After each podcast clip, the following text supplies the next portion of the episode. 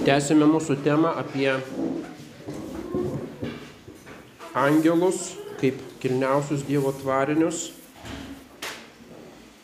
Kalbėjome, kad trečias angelų apsireiškimo būdas yra normalioje būklėje, tiesiog kai nesapne ir ne kažkokiame mistinėme regėjime, bet realiai matome angelai, taip kaip tarkim apsireiškia mergeliai Marijai, Zacharyjui, kaip skaitome Luko Evangelijoje.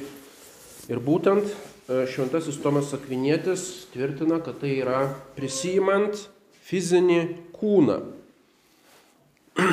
Tasai fizinis kūnas nėra organinis kūnas, jis nėra gyvas, jis nėra kažkas gyvo. Šventasis Tomas rašo, kad tai yra tam tikra nuoroda, kad ir amžinasis Dievo žodis prisijims kūną. Reiškia, Angelų prisimamas regimas toksai kūnas yra susijęs su įsikūnymo paslaptimi. Tasai kūnas jungiasi su angelu ne kaip su savo forma, reiškia siela tai yra kūno forma, jinai duoda gyvybę, visi organiniai procesai ir psichiniai procesai yra dėka šitos formos arba sielos. Ir angelas netampa tokio kūno forma arba siela, reiškia, tai nėra gyvas organizmas, nes gyvybė perdodama tik tai, e, reiškia, prokreacijos gyvybės perdavimo būdu. Ir angelas tikrai neturi tokios galios sukurti gyvą būtybę, tai yra Dievo, dievo privilegija. Taip pat e, angelas nesijungia kaip paprastas e, judintojas to kūno, bet kaip judintojas, kuris reprezentuojamas šitame kūne. Reiškia, Dievo duodama gale, jisai taip suformuoja tą netikrą kūną, kad jis reprezentuotų jų dvasinę prigimtį ir jų pasiuntinybę. Reiškia, jis ateina, tarkim, kaip būtent vyro pavydalu, kaip pasiuntinys, kaip karaliaus šauklys, kuris perdoda tam tikrą žinią. Ir būtent todėl jisai tokį kūną prisima. Iš ko tasai kūnas, Tomas Akvinėtis rašo, iš tokio sutankinto oro, bet čia aišku yra tik tai tokios filosofinės spekulacijos. Ir tasai kūnas nevykdo jokių gyvybinių veiksmų, jis nevalgo, nekvepuoja, reiškia jo jūslės nejaučia ir taip toliau. Tai reiškia, jeigu tas angelas turi akis, bet tomis akimis jis nemato, e, bet mato tiesiogiai savo angelišką prigimtimi. Vėlgi, e, citata iš Tobijo knygos 12 skyriaus, nors matėte mane valgant ir geriant, iš tikrųjų aš nevalgiau ir negėriau. Ką jūs matėte, buvo regėjimas. Regėjimas ne ta prasme, kad tai yra iliuzija akims, bet tai buvo e, fizinis kūnas, bet tas kūnas tik tai regimai imitavo valgymo procesą. Tai nebuvo tikras valgymas, reiškia nebuvo virškinimo, metabolizmo ir taip toliau. Tiesiog regimas veiksmas. E, apie tai skaitom, kai trys angelai atėjo pas Abraomą ir jisai jiems paruošė ožiuką, paruošė maistą, juos pavaišino. Paskui pradžios knygoje taip pat skaitome, kad e, Lotas, kur su tais kitais dviem angelais nuėjo į Sodomą, jie jį fiziškai sučiupo ir įtraukė, reiškia, pro duris Paskui pradžios knygoje 32 skyrius, kaip Jokūbas grūmėsi su angelu, reiškia fiziškai grūmėsi ir yra jo sužeidžiamas. Paskui mato Evangelijoje, kaip angelai patarnavo Jėzui dykumoje, reiškia patarnavo pasninkavusiam Jėzui, tai ne vien tik tai kažkaip išoriškai jį pagarbino, bet iš tikrųjų jam fiziškai padėjo. Paskui apaštalų darbų knygoje, kaip angelas išlaisvina apaštalus, atidaro duris, reiškia fiziškai, arba pajudinės pažadina apaštalą Petrą ir taip toliau. Ir netgi yra apaštalų darboje, darbų, darbose vieta, kur netgi pabrėžiama, kad Petras suklydo laikydamas tai tik tai viziją. Išėjęs Petras sekė paskui jį, tai yra viešpatės angelą, Tik jis nesuvokė, kad angelo veiksmai tikri, jis tarėsi matas regėjimą. Reiškia, jis manė Petras, kad tai yra tik tai vizija, jo kaip tokia mistinis patyrimas, o iš tikrųjų jis buvo fiziškai pajudintas ir išvestas iš kalėjimo. Kokiu būdu jis tą kūną padaro, Kur dinksta tas kūnas po apsireiškimo, kokios to kūno savybės, tai yra tik tai mūsų spekulacijos. Ir aišku, tai mm, čia visiškai neverta tuo užsiimti. Toliau mes kalbėjome apie gamtos sferą ir antgamtinę sferą. Reiškia, yra du, dvi skirtingai lygmenis - natūrali arba prigimties sritis ir antgamtinė dieviško veikimo arba malonės sritis. Ir štai angelai yra Dievo tvariniai, kaip sakėme. Reiškia, jie, kaip ir materialioji gamta, yra kažkas tai sukurta, angelai turi savo prigimti ir atrodytų, kad angelas tai priklauso tai natūraliai arba gamtos sričiai. Tarkim, mūsų sutvertos dvasinės sielos natūralus veikimas irgi priklauso prigimties sričiai. Nors mūsų siela nemateriali, bet ką mes mastome, veikiame, sprendimai tai yra prigimties sritis. Tačiau apie angelus mes žinome tik tai iš antgamtinio apreiškimo. Tai nėra mums, e, kaip minėjome, aišku iš filosofijos ar iš mokslo. Gerieji angelai apsireiškia žmonėms tik tai siunčiami Dievo. Jie negali savo iniciatyvą be Dievo valios kažką tai veikti. Jie gauna ant gamtinę misiją ir nesunčiami kažkokiems tai natūraliems tikslams. Ir panašiai piktosios dvasios jos įtakoja žmonės imšimtinai ant gamtinėje srityje, kenkdamos mums malonės, e, kad negautume malonės arba ne, neturėtume darybių, kenkdami mūsų išganimui, reiškia ant gamtinėje srityje. Velnes visiškai neužsima kažkokiais, kad nuskristų į menulį ir kokį nors menulio kraterį užpiltų tenais. Nu, jam neįdomus tokie dalykai. Ir kiekvieno kartu piktoji dvasia veikia su specialiu Dievo leidimu. O šitą, šitą Dievas leidžia tai kaip išbandymą, tam tikrą antgamtinę paskatą žmogui. Ir reiškia, net jeigu demono veikimas pasireiškia fizinėje srityje, tarkim, yra kankinamas apsėstojo kūnas ar kažkaip tai, visa tai turi antgamtinius tikslus. Ir todėl galima sakyti, kad ir gerųjų, ir blogųjų angelų veikimas priklauso antgamtiniai sričiai vis dėlto. Tai nėra natūralioji sritis, nors jie yra tvariniai kaip ir mes. Toliau klausimas apie angelų protą, valią ir e, kitas sielos, reiškia, jų veikimo galės. Apie tai daug spekuliavo šventasis Tomas Akvinietis, tai yra labai plati tema. Angelų protas yra labai tobulas ir todėl ir piktasis angelas, e, velnės, yra daug gudresnis už žmogų, net ir genialiausią žmogų, jisai gali jį apgauti, apsukti ir sugundyti.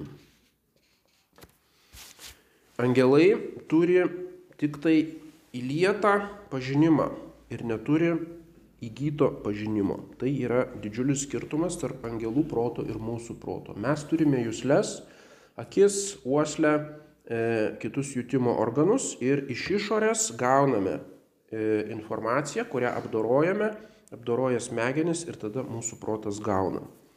Angelų gaunamas pažinimas nėra toks, jie neturi jūslių, reiškia visą tai, ką jie žino, jie gauna įlietą iš Dievo, įlietasis pažinimas. Ir tą įlietą pažinimą jie turi tik tai aktualizuoti, reiškia jį panaudoti savo veikimui, aktualiai suvokti tai, ką jau žino. Ir tai primena šitą filosofinį ginčą, kaip yra žmoguje. Platon, Plato, Sokratas Platonas sakė, kad žmogus turi įlietą pažinimą, jis žino jau dalykus ir tai reikia jam priminti. Reiškia, Sokratas kaip skaitome, jisai klausinėdamas mažą vaiką iš jo išgaudavo, reiškia, loginės tam tikras išvadas. Ir tada sakydavo, žiūrėkit, tas vaikas jau žino tos dalykus, jis tik tai to nesuvokia, jis ne, ne, neatsimena tų dalykų. Reiškia, pažinimas pagal platonizmą tai yra anamnezis arba atsiminimas. Reiškia, mes atsimenam tai, kas jau įlieta mums nuo gimimo. Ir Aristotelis šitą paneigė, sako, tai yra visiškai neįmanoma, Ir žmogus yra tabula raza arba nuskusta lenta. Reiškia, kaip seniau ant vaškinių lentelių rašydavo, paskui nuskusdavo ir vėl rašydavo iš naujo. Reiškia, tai žmogus, kai gimsta, jis yra tokia tuščia lenta ir visa, ką jisai gauna, yra per išorinės jūslės. Ir šitą Aristotelio suvokimą perėmė tomistinė filosofija. Reiškia, mes nieko negaunam į lieto, mūsų smegenyse yra tik tai loginiai principai, reiškia, įgimti. Mes visi natūraliai suvokiam, kad 2 kart 2 yra 4, arba kad, reiškia, tas pats dalykas negali ir būti, ir nebūti. Reiškia, esminiai loginiai principai yra įrašyti kaip programa, galima sakyti, mūsų galva, bet tikrasis pažinimas ateina iš išorės. Ir štai pas angelus yra visiškai priešingai. Jie iš išorės nieko negauna, o viskas yra kaip į kietą diską į kompiuterį pas juos įrašyta, visas jų turimas pažinimas. Natūraliai jie turi tarpišką natūralų Dievo pažinimą. Tai yra suvokia Dievo tobulumą iš savo ir kitų tvarinių savybių. E, tai yra natūralusis angelų Dievo pažinimas panašus į žmogaus. Tačiau E, paskui malonę jie gauna jau Dievo pažinimą ant gamtinį, taip kaip ir mes gaudami malonę. Mm, angelai nežino Dievo paslapčių. Pirmas laiškas korintiečiams, kas iš žmonių pažįsta žmogaus mintis, jei ne paties žmogaus dvasia. Taip ir Dievo minčių nežino niekas, tik Dievo dvasia. Tai yra šventoji dvasia, kuri taip pat yra Dievas. Reiškia, angelai nežino Dievo minčių, jie nežino apvaizdos planų, to, kas jiems nėra įlieta, tai kas nėra jiems apreikšta, jie šitų dalykų negali žinoti taip kaip ir žmonės. Taigi jie su tikrumu nežino, bet gali tik tai nuspėti arba prognozuoti kitų angelų ir žmonių mintis bei slaptus valios aktus. Reiškia, mūsų protas nėra kaip atvira knyga velniui arba piktai dvasiai. Jis negali skaityti mūsų minčių ir negali žinot mūsų slaptų valios ketinimų, jeigu mes jų nepareiškiam, neišreiškiam kažkokiu tai būdu, žodžiais arba veiksmais. Pirmoji karalių knyga - Tik tu Dieve pažįsti visų žmonių širdis, suteiktas kiekvienam pagal jo elgesį. Žinodamas, kas yra kiekvieno žmogaus širdyje, taip elkis su jais, kad jie garbintų tave per visą gyvenimą krašte, kurį davėjai mūsų protėviams. Tik tu Dieve pažįsti žmonių širdis. Arba pranašas Jeremijas. Širdis yra už viską vylingesnė ir nepataisomai pasiligojusi, kas gali ją perprasti. Tik aš viešpas tyriu širdį, išbandau jausmus, kad kiekvienam atlyginčiau pagal jo kelią, pagal jo darbų vaisius. Reiškia vadinamosius sekretą kordium arba slaptas širdies mintis ir ketinimus ir intencijas Angelui šitas yra visiškai neprieinama, tik tai Dievas skaito mūsų širdį. Tačiau, kaip minėjom, angelas ir demonas yra nepaprastai, turi stiprų protą, yra protingesni už mus ir todėl stebėdami mūsų veiksmus gali prognozuoti arba numatyti žymiai tiksliau negu, reiškia, jis pažįsta galbūt mane geriau negu aš pats save pažįstu. Iš mano veiksmų ir iš mano. Todėl žino, kurioj kur yra mano silpnos vietos ir kaip mane gundyti. Nei angelai, nei demonai nežino ateities įvykių. Ateitis yra Dievo apvaizdos paslaptis. E, Izaijo pranašystėje Dievas sako pagonių dievams arba demonams, pranašaukit, kas bus ateityje, kad žinotume, jog jūs esate dievai, tokia kaip ironija. Pranašaukit, pasakykit ateitį, jeigu jūs žinot, bet iš tikrųjų jūs nežinot. Mato Evangelija 24 skyrius.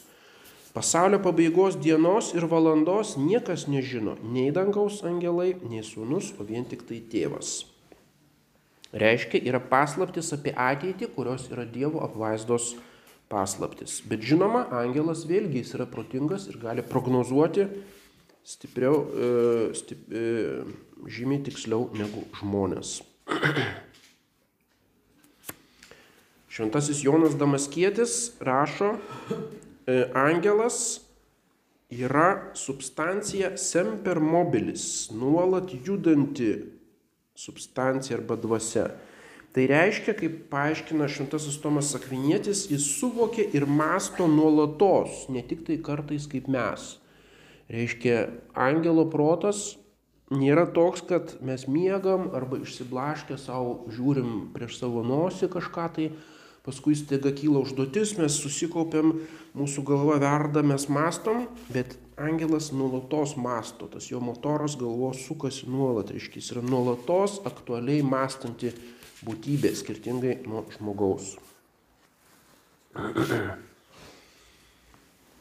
Angelas turi tik intelektinį pažinimą, jis neturi jūslinio pažinimo. Reiškia, jis neturi vadinamųjų žemesniųjų sielos galių, tai yra atmintis, tai yra fantazija ir tai yra e, jūsl, jų, e, jūsliniai patyrimai, kurie yra esmingai susijęs su kūniškais organais.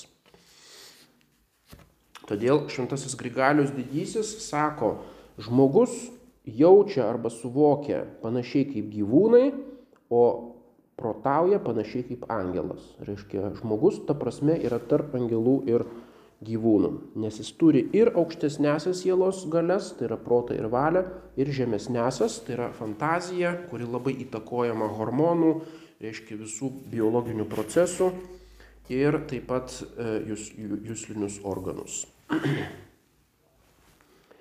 E, angelas pažįsta ne per įspūdžius, kaip minėjome, gautus iš daiktų, bet per Dievo įlietas idėjas. Reiškia tai, kas yra platoniška idėja, kaip reiškia jau užprogramuota mintis, mintis, tai būtent galioja angelams, bet ne žmonėms. Šventasis Augustinas rašo, visų sukurtų ar galimų sukurti dalykų idėjos pirmiausia yra logose, tai yra Dievo žodyje, kaip amžinoje Dievo mintyje, o po to yra įliejamos į angelus ir galiausiai palaipsniui realizuojamos daiktuose. Reiškia, kas yra dalykai, Pirmiausia arba tikroji dalykų būtis tai yra Dievo mintise. Dievas masto apie dalykus. Ir ne tik tai apie tuos, kurie paskui bus realizuoti, bet apie visus įmanomus dalykus. Reiškia, Dievo mintise yra milijonai pasaulių su visomis įmanomomis daiktų kombinacijomis iki smulkiausių detalių. Viskas yra jo mintise aktualiai. Kai kurias iš tų minčių galbūt dalelė iš jų jisai įlieja į angelus, jisai perdoda angelams ir tada angelai žino apie dalykus. Ir dar mažesnė dalelė tų dalykų yra realizuojama daiktuose. Reiškia, ką mes matom kosmose, tai yra tik tai procentas mažytis iš tų visų minčių, kas yra Dievo mintise ir angelų mintise. Taigi angelai žino visus dalykus, kuriuos Dievas jiems leidžia pažinti be eksperimentinio pažinimo, be jūslinio pažinimo pažinimo. Jeigu jie juda iš vienos vietos į kitą, tai ne tam, kad kažką pažintų, bet kad kažką tenais veiktų. Jiems nereikia šnipinėti arba keliauti, kad kažką naujo sužinotų. Ir vėliau kalbėsime apie angelų hierarchiją, apie angelų chorus. Reiškia, angelų hierarchija atitinka vadinamųjų universalijų hierarchiją. Universalija tai yra bendriausios savokos, kurios apima tarkim laikas, erdvė, kitos savokos. Aukštesni angelai pažįsta labiau universalius dalykų atvaizdus. Kuo stipresnis protas, tuo mažesnių idėjų skaičiumi apima daugiau dalykų. Tai yra nepaprastai gili mintis, reiškia, kas yra išmintis. Kada aš, turėdamas didelę patirtį ir turėdamas gyvenimo patyrimą, žvelgiu, tarkim, į žmogų ir matau kaip keurai. Šitas žmogus toks ir toks, viską galiu daugybę dalykų apie jį pasakyti vienu žvilgsniu, vieną mintimi. Reiškia, tai yra išminties požymis. Ir būtent taip angelai, kurie yra aukštesnėse hierarchijose, jie mato universaliau, jie vieną mintimi apriepia didžiulį dalykų skaičių. Žemesni angelai, jau jiems jų protas yra labiau padalintas, jau nebėra universalios, bet yra siauresnės savokos ir taip toliau. O pas mus viskas yra suskaldyta į daugybę stalčiukų ir kol mes viską sulipdom į kažkokią universalią mintį, tai reikia labai daug darbo ir pastangų. Ir todėl šitas, šitie visi svarstymai apie angelų protą, e, jie labai yra įdomus e, šiandieninėje situacijoje, lyginant su kompiuterių mokslu. Reiškia, galima rasti daugybę par, paralelių tarp švento Tomo Kviniečio studijų apie angelų protą ir dabartinės informatikos arba, reiškia, kompiuterių teorijos. Tai dabar, nes mes sakėm, angelas tai yra panašiai kaip kompiuteris, į kurį įlieta visas žinojimas iš anksto. Tai dabar ar gali angelo protą lyginti su, tarkim, mano telefonu, smartfonu ar kažkokiu įrenginiu, kuris prijungtas prie milžiniškos duomenų bazės ir gali bet kada rasti dominčią dalinę informaciją. Viena vertus atrodo, kad taip yra, bet kita vertus, jeigu mes būtent suprantam tą angelų hierarchiją apie universalijas, tai yra visiškai priešingybė Angelas nėra kompiuteris, jo protas yra absoliuti priešingybė žmogaus sukurtam kompiuteriui. Kadangi kas yra kompiuteris, tai yra e, būtent dalinių dalykų, pačių smulkiausių dalykų, net suskaldytų į kažkokius informacijos smulkius gabalėlius didžiulė krūva. Ir norėdamas tą krūvą apdirbti, kompiuteris turi su milžiniškai skaičiavimo gale iš jų kažką tai sulibdyti, kažkokius bendrus patterns, kažkokias tai tendencijas.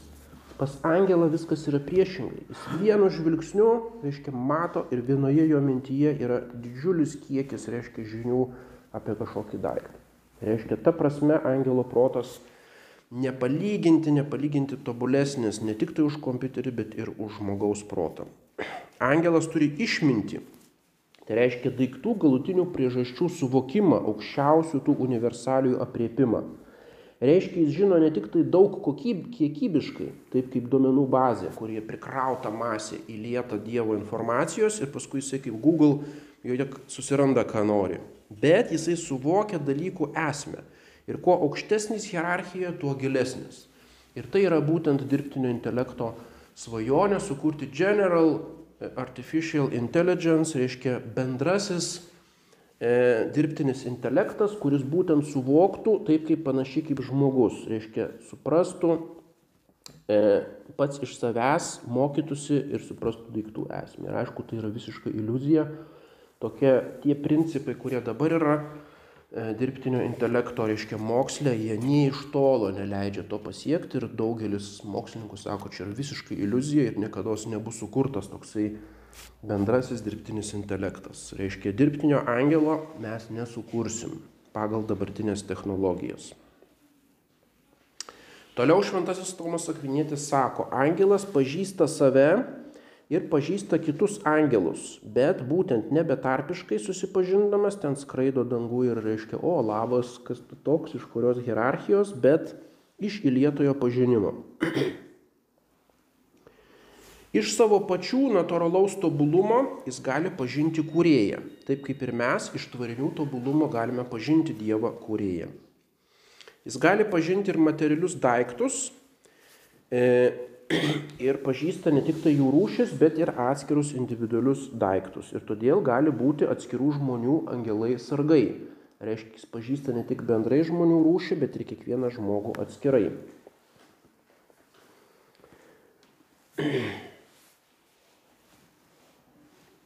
Jis nežino būsimų dalykų per jų priežastis. Tai yra įmanoma tik tai Dievui. Bet gali numatyti daug tiksliau negu žmonės. Turi įlietą dalykų kaip prigimčių pažinimą, bet nežino, ar kada tos prigimtis bus įgyvendintos atskiruose individuose. Kaip sakėme, nuo pat pradžių jis turi įlietą visą pažinimą apie visus daiktus. Bet jis nežino, ar ta įlietas pažinimas yra įgyvendintas, ta Dievo mintis, ar jinai ir kokiuose individuose atskiruose dalykuose jis įgyvendinta. Reiškia, jis turi įlietą pažinimą apie arklius, bet reiškia reikalingas atskiras e, įliejimas arba žinojimas, kad žinotų, kiek ir kokių arklių yra ir e, kiek jisai atitinka arklio prigimti. Šventasis Augustinas rašo, velnės gali pastebėti subtilius ketinimų ženklus, kurių nemato kiti žmonės.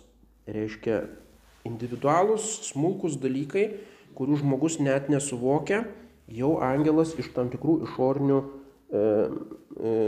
pasireiškimų gali visą tai matyti. Angelo intelektas visuomet yra aktualus, o ne kažkokia tik tai galimybė. Pas mus mintis yra visada galimybė, mes jas palaipsniui realizuojame. O kaip sakėme, angelas visą laiką dirba, jo protas, jis visą laiką aktualiai masto. Jis gali vienu metu galvoti apie daugelį dalykų skirtingai negu žmogus ir gali pažinti be diskursyvaus mąstymo, tai reiškia be protavimo, loginių išvadų, kaip mes vargingai tik tai išprotaujam kai kurios dalykus. Jis tiesiog paprastų žvilgsnių, be kažkokių tai silogizmų, svarstymų, tiesiog mato, reiškia, dalyko esmę. Ir tai yra absoliučiai skirtinga būtent nuo kompiuterio, kuris tik tai suskaičiuoja per didžiulį vargą, apskaičiuoja tam tikrus dalykus ir padaro išvadas. Jis pažįsta nejungdamas ir skirtamas dalykus e, per kažkokias apibendrinančius apibrėžimus ir distinkcijas atskirimus, bet paprastų esmės išvelgimu. Ir tai yra pagal tomistinę filosofiją intelektus. Pats tas žodis intelektus reiškia intus ledgerė, viduje skaityti, reiškia intelektualus žvilgsnis, tai yra paprastas žvilgsnis. Va žiūriu, matau, čia laikrodis. Reiškia, aš suvokiu jo esmę iš savo jūslinių patyrimo, išgaunu tam tikrą esminį dalyką. Ir štai tai yra skandalas, kad būtent šita kompiuterijos rytis vadinama dirbtinis intelektas. Bet iš tikrųjų tai nėra intelektas, nes kompiuteris negali betarpiškai vienu žvilgsniu intuityviai suvokti daikto esmės. Jis skaičiuoja iš masės, reiškia panašių kažkokių požymių, suskaičiuoja kažką tai ir gauna tam tikrą įspūdį. Bet tada galėtume tą kompiuterį vadinti dirbtinę raciją. Tai yra kaip du skirtingos proto funkcijos. Vienas tai yra intelektas, suvokimas esmės, o racija tai yra nuo žodžio skaičiuoti. Reiškia, kai savo galvoje logiškai skaičiuojam, mastom, išmastom kažkokį tai dalyką. Tai vad kompiuteris yra dirbtinė racija bet nedirbtinis intelektas. Ir tas žodis intelektas biški yra piktnaudžiavimas šito terminu. Arba jisai tiesiog netitinka tomistinės klasikinės intelekto savokos. Angelo intelekte negali būti klaidos. Mūsų pažinime įsibrauna klaidos, nes reikalingas atskirų dalykų jungimas, skyrimas ir taip toliau. E, protas natūraliai siekia tiesos, bet jisai dažnai suklysta, jungdamas daugybę smulkių detalių į vientisą visumą. Gerieji angelai neklysta. Demonai klysta tik tai ant gamtiniuose dalykuose, tarkim, mato Jėzų Kristų, kuris pradėjo savo misiją, bet nesupranta, kad jisai yra mesijas. Ir tik tai palaipsniui iš jo žodžių, iš jo veiksmų reiškia, demonui tampa aišku, kad čia yra Jėzus Kristus. Ir be to demonas savo valia priešinasi Dievo išminčiai ir todėl patenka į klaidas. Naturaliuose dalykuose demonas taip pat neklysta. Reiškia, jeigu kalbant apie kažkokius gamtos dalykus, visas tas e, pažinimas yra visiškai tikslus.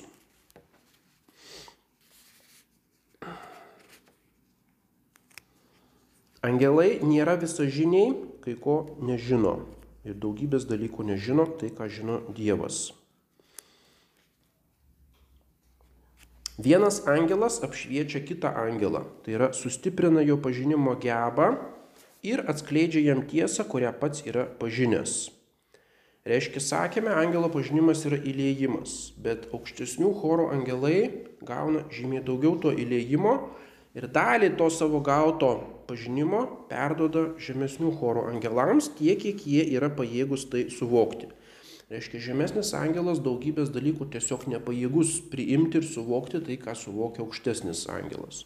Bet kiek pajėgus, tiek jam perdoda. Ir reiškia, būtent ta klasikinė angelų e, įvaizdis yra toks, kad yra kaip kaskados vandens. Reiškia, yra kaip vandens šaltinis Dievas viršuje, ir paskui yra angelų, angelų hierarchijos ir viršutinius teka didžiulis kiekis vandens, o paskui į žemesnius šiek tiek mažiau, o į dar žemesnius dar mažiau. Ir tokiu būdu susidaro angelų hierarchija, būtent pirmiausia paremta šituo skirtingu pažinimo lygiu.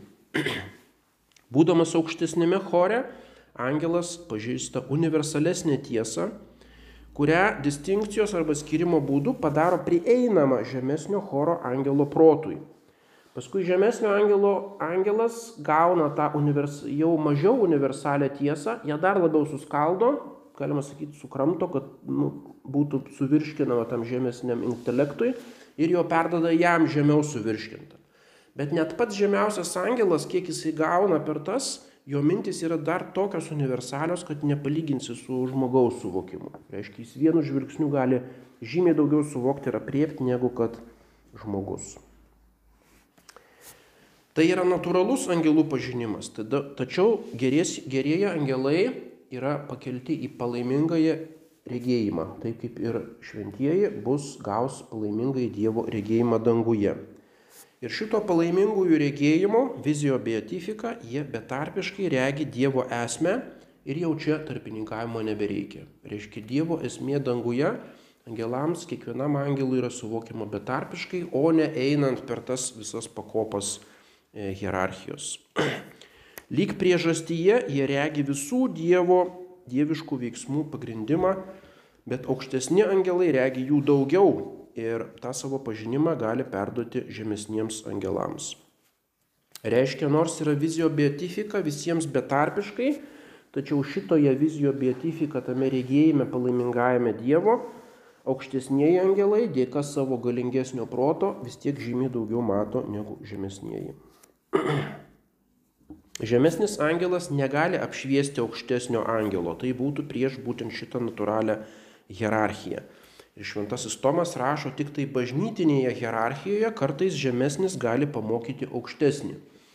Reiškia, kadangi Tomas Akvinėtis remiasi šventuoju Dionizu, o šventas Dionizas parašė dvi knygas. Viena yra apie dangiškąją hierarchiją, kita yra apie žemišką arba bažnytinę hierarchiją. Ir jisai lygina angelų chorus su bažnytinės hierarchijos laipsniais. Ir štai Tomas Akvinėtis sako, kad bažnytinėje hierarchijoje žemesnis gali pamokyti aukštesnį. Paprastas kunigas gali būti kai kuriais klausimais išmintingesnis ir šventesnis už savo vyskupą ir jam duoti geresnį patarimą. Tačiau pas angelus taip nėra, pas juos yra griežta hierarchija.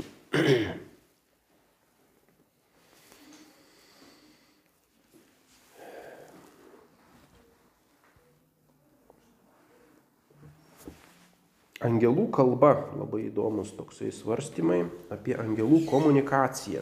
Vėlgi šitas traktatas Tomo Kviniečio labai daug turi su ryšio su moderne komunikacijos teorija ir, reiškia, kompiuterių tinklų teorija. Kodėl? Todėl, kad kompiuteriai neturi jūslių, neturi aistrų, neturi viso to, kas pa žmonės jų komunikacijai labai trukdo ir trukdo perduoti žinias. Žmogus, kai kažką kalba kitam, visą laiką turi jo aistros įtaką, jo valios noras primest kažką kitam ir visą laiką žmogus iškraipo, norom nenorom savo žinias. O kompiuteriai labai objektyviai tai, ką gauna, dėta, perduoda kitam. Visą paketą nieko neiškraipo. Ir reiškia, angelų pažinimas yra, galima sakyti, tokio irgi idealaus ligmens komunikacija būtent leidžianti kitam angelui tiesiogiai suvokti mintis be žodžių ar simbolių tarpininkavimo. Tai yra panašiai kaip telepatija arba tiesioginis informacijos perdavimas. Be iškreipimo, be kažkokių tai e, žodžių ar iškreipiančios kalbos, vertimo klaidų ir taip toliau. Kad angelai tarpusavėje bendrauja, žinome iš šventojo rašto. Izaijo knygoje šventas, šventas, šventas galybių viešpats, visa žemė pilna jo šlovės, šaukė jie, tai yra serafai, nepaliaudami vienas kitam. Nuo jų šauksmo drebėjo durų staktos ir šventikla prisipildė dūmų. Reiškia, serafai kaip angelai, bendraudami vienas kitam, kalba apie Dievo šventumą. Pirmas laiškas korintiečiams, apaštalas Paulius. Jei kalbėčiau žmonių ir angelų kalbomis, bet neturėčiau meilės, aš būčiau žvangantis varis ir skambantis simbolai. Ir aišku, rabinai judaizme sako, kokia yra angelų kalba, aišku, hebrajų kalba, kaip kitaip angelai gali kalbėtis. Tai yra paties Dievo kalba. Ir sako, angelai kalba tokiu galingu žmogui nepakeliamu balsu, galima sakyti, aukštesniu dažnumu, kuris Ir tik tai ekstazija žmogus gali suprasti tą kalbą, e, reiškia mm, kaip ypatinga Dievo dovana, kad gali suprasti tą angelišką kalbėjimą. Taigi Tomas Akvinėtis sako, vieni angelai kalba kitiems. Tai yra vadinamis lokucionės angelorum, tokie pokalbiai angelų. Reiškia, jie atskleidžia vienas kitam savo minties koncepcijas, savo idėjas. Ir tam nereikia kažkokios kalbos, kuri tik tai netobulai išreiškia mintis, jie tas mintis perdoda tiesiogiai. Ir tai yra nuostabu, kaip būtų, jeigu mes galėtume tiesiogiai perduoti, tarkim, aš nukeliauju į kalnus, pasižiūriu tas visas įspūdis kalnų. Tai reiškia, jeigu aš papasakoju, net turėdamas didžiausią iškalbą apie kalnų grožį, tai yra kaip menka šešėlis. Net jeigu aš parodau nuotraukos arba video tų kalnų, nu pasižiūri laptopę, nu gerai, nu gražus, bet tu net, net iš tolo nesuvoki, ką tai reiškia tos visos prarojos, tie debesis, tie reiškia kalnų dydis. Tai reiškia, to, ką aš noriu pasakyti, aš niekada neišreikščiau adekvačiai viso savo minties, visų tų atspalių, viso, viso to, ką aš betarpiškai pats suvokiu ir pats žinau. Net genialiausias poetas, genialiausias rašytojas to negali padaryti. Reiškia, jis tik tai iš dalies išreiškia, kas yra jo širdyje. Reiškia, tai yra labai sudėtinga. Būtent kompiuteris tai iš tolo to negali, nes kompiuteris būtent tik tai smulkios tuos duomenis perdoda. Jis niekada neperdodos tos koncepcijos, nes jis net neturi tos koncepcijos universalaus, paprasto vieną mintimį suvokimo. Tai reiškia, nors kompiuteris labai tobulai perdoda tos duomenis, bet tai, tai yra visiškai net nepalyginama su tuo, ką mes galime perduoti, jau net nekalbant apie angelų kalbėjimą. Tai reiškia, angelas tobulai vieną mintimi tiesiog perdoda kitam angelui, kuriam nori, tai, ką jisai suvokia, visą tą turtingumą savo pažinimo. Gerieji angelai mato nuolatos vienas kitą Dieve žodėje ir todėl jiems nereikia specialiai atkreipti dėmesio prieš kalbant kitą. Jie reiškia tiesiog, galima sakyti, spontaniškai bendrauja vienas su kitam, su kitu. Ir žemesnėji angelai kalba su aukštesniaisiais.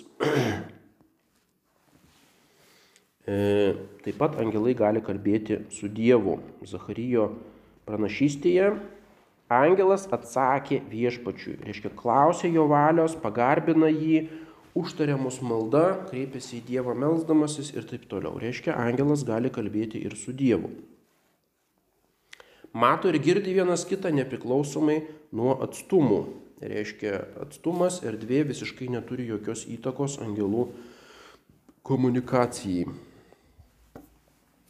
Girdi tik tie, kuriems kalbantis savo valia nori kalbėti, reiškia ne visi. Tai yra asmenis kalbėjimas tarp angelo ir angelo. Ir tuo šitas kalbėjimas skiriasi nuo apšvietimo. Mes kalbėjome, aukštesnieji angelai apšviečia žemesnius. Ta žinojimą, kurie gavo iš Dievo, perdoda žemesniems.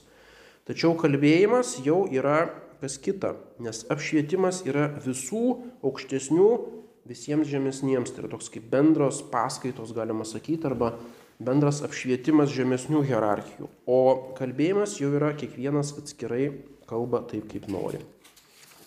Žinoma, daugybė tų dalykų yra spekulacijos, ypač Švento Tomo. Tai yra, jisai galvoja, kaip čia dabar būtų, jeigu žmogaus protas būtų tobulas, jeigu jis būtų nepriklausomas nuo smegenų visų procesų, nuo jūslių, nuo viso organinio, reiškia, aistrų ir taip toliau. Ir reiškia, tokiu būdu, galvodamas apie tobulą komunikaciją, tobulą intelektą, jisai šitą projektuoja į angelus ir pasitelkia tas vieną kitą vietą, kurią mes žinome iš švento rašto. Ir todėl bendras tas paveikslas angelų proto aprašymo yra ganėtinai įtikinamas pas Švento Tomo Kvinietį ir, kaip sakome, jis turi didelę filosofinę reikšmę. Reiškia, apskritai kalbant apie protą. Tai yra kaip proto išgrinimas nuo visų priemaišų, kas, ką žmogaus kūnas įveda. Kitoje paskaitoje bus apie valią pas angelus.